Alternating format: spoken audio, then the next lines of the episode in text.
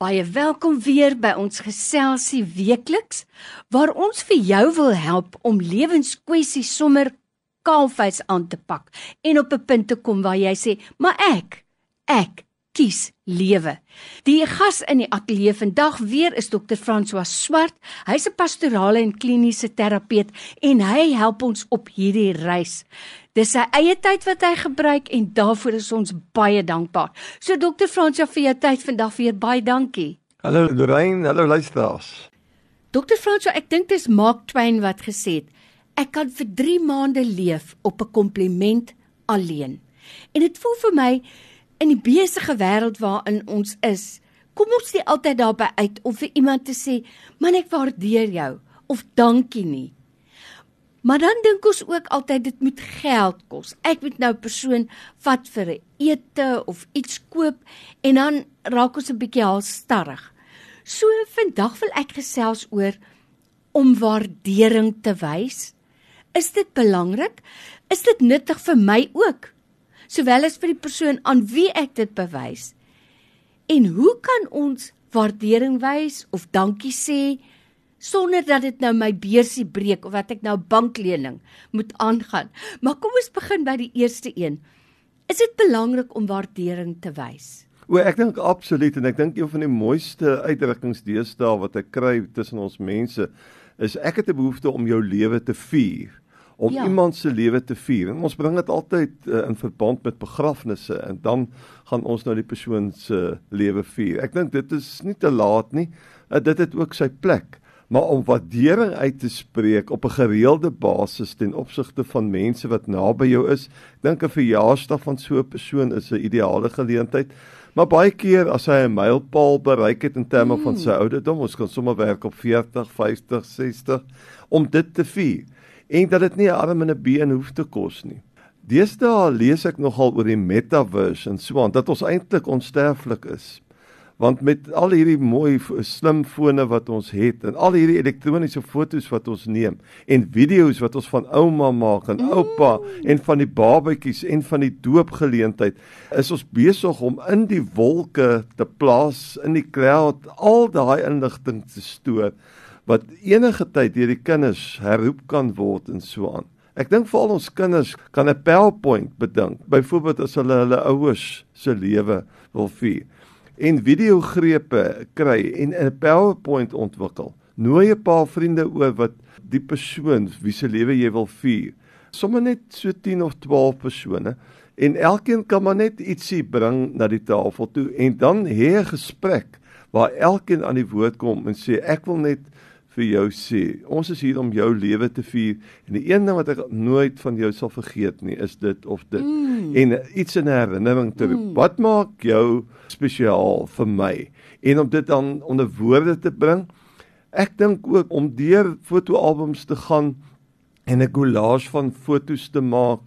Ook sekere goed wat vir persone belangrik is. Sy gitaar wat hy gespeel het dalk toe hy 'n jong mens was of die puzzle wat hy as kind mee gespeel het om dit skielik uit te haal en sê mm. onthou jy hierdie nog mm. en ek mamma kan dit nog onthou en dit is vir my baie spesiale oomblikke met jou. By ander woorde dit gaan oor 'n gesprek met mense naby daai persoon en wat jy eintlik staaltjies van daai persoon se lewe vertel. En die geweldige uitwerking op daai persoon want ons almal Lorraine en ook jy dalk daar by die radio wat nou sit en luister ons het mos maar blinde kolle ons weet nie presies hoe ons oorkom nie en dit is so wonderlik as jou naaste mense wat vir jou omgee bietjie vir jou sê jy weet ek wil net vir jou sê jy weet dit dalk nie maar maar jy's eintlik 'n baie vriendelike mens mm. jy's eintlik 'n baie inskiklike mens. Dit is lekker om in jou teenwoordigheid te wees. Dis goed wat 'n mens nie altyd vir mekaar sê nie.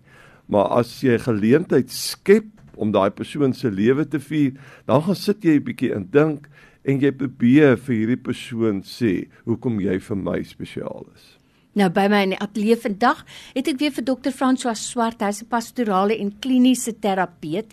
En ons gesels vandag oor om waardering te wys of om iemand se lewe te vier. Soos wat dokter François nou gesê, dis so mooi. Ek het al baie gedink, Hoe sou ek dit vandag waardeer het as ek 'n videoetjie gehad het van my pa? My eie pa wat oorlede is toe ek maar net 15 was. Ek sou dit so graag weer wou herleef want ek onthou hom nog so goed. So dit is so waar. Nou wanneer 'n mens iets goed doen vir iemand anders, watter voordeel is daarin vir jouself?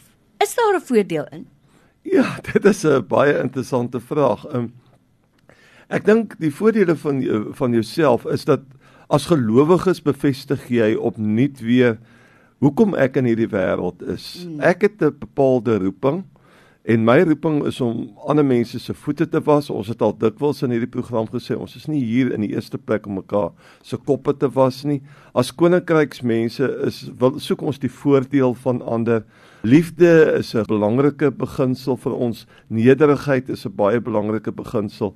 Dis as jy dit kan kan gaan uitdeel om dit vir iemand te sê verbaal of 'n 'n foto van hom te neem en dit swart en wit op te blaas, 'n groot poste daarvan te maak en vriende te kry en sê skryf elkeen net op daai swart en wit foto net 'n kort woord van waardering vir hierdie persoon en dan kan jy dit gaan laat raam en jy kan dit vir die persoon gaan aflewer.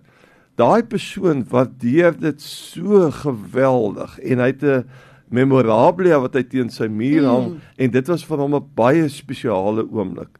Uh, en die Bybel het 'n sterk beginsel daaroor. Dis amper beter om te gee as om te mm. ontvang. Nou om jou vraag dan direk te antwoord, watter voordele hou dit vir jou in?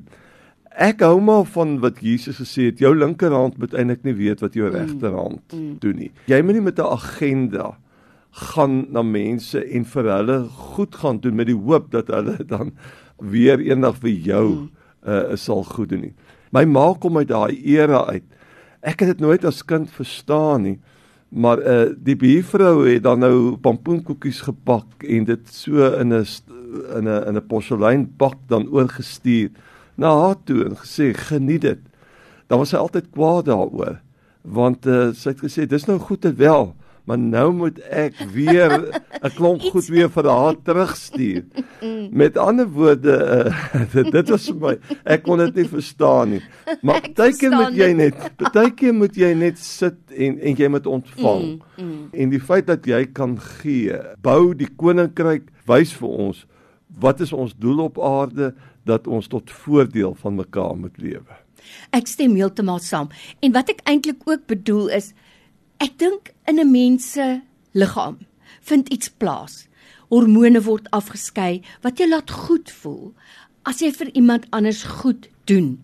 Want ek dink diep binne in ons plaas die Here self vir ons daardie gevoel dat dit goed is om te help en mooi is om te help. En dan sê hulle dat Abraham Lincoln, toe hy nou mos in daai sluipmoord dood is, binne in sy baadjie se sak het hulle ou koerant uitknipsel gekry waar daar gestaan het uh, die verslaggewer het gesê possibly uh, the greatest statesman America ever had. Dit was vir net daai woorde so kosbaar dat hy dit in sy baadjie se sak gedra het. Dit was al opgevrommel en vergeel, maar hy het dit by hom gehou. So ek dink ons moet nooit moeg word om goed te doen nie. Dit staan mos ook in die Bybel. Ek dink tog so. Ek dink so dit is ons roeping mm. en uh, wanneer ons ons beplanning doen vir 'n dag of vir 'n week, is dat jy tyd op sy sit. Watter persoon uh, lê die Here op jou hart wat jy 'n kaartjie wil stuur? En as ons praat oor om mense se lewens te vier, om waardering uit te spreek, mm. persente is belangrik, maar persente kom en gaan. Maar ek het gevind dat as jy kaartjie vir 'n persoon stuur, die mm. woorde en hulle sit dit in hulle Bybels, hulle sit dit op 'n spesiale mm. plek mm. en hulle lees dit weer en weer. Dis ons luisteraars moet ook nie 'n een eenvoudige kaartjie onderskat waar jy regtig vir 'n persoon waardering uitskryf nie waar jy dit oor en oor kan lees of so waar so waar. Dr Francois soos altyd net 'n plesier baie dankie. En onthou ek het al vir jou gesê jy kan gerus gaan kyk op die webtuiste my www.co.za. Daar's interessante geselsies, oulike artikels en ons potgooi is ook daar. So vir jou tyd vandag Dr. François, dankie. Dankie Lorraine. Kom ons gaan vier mekaar se lewens daar buite.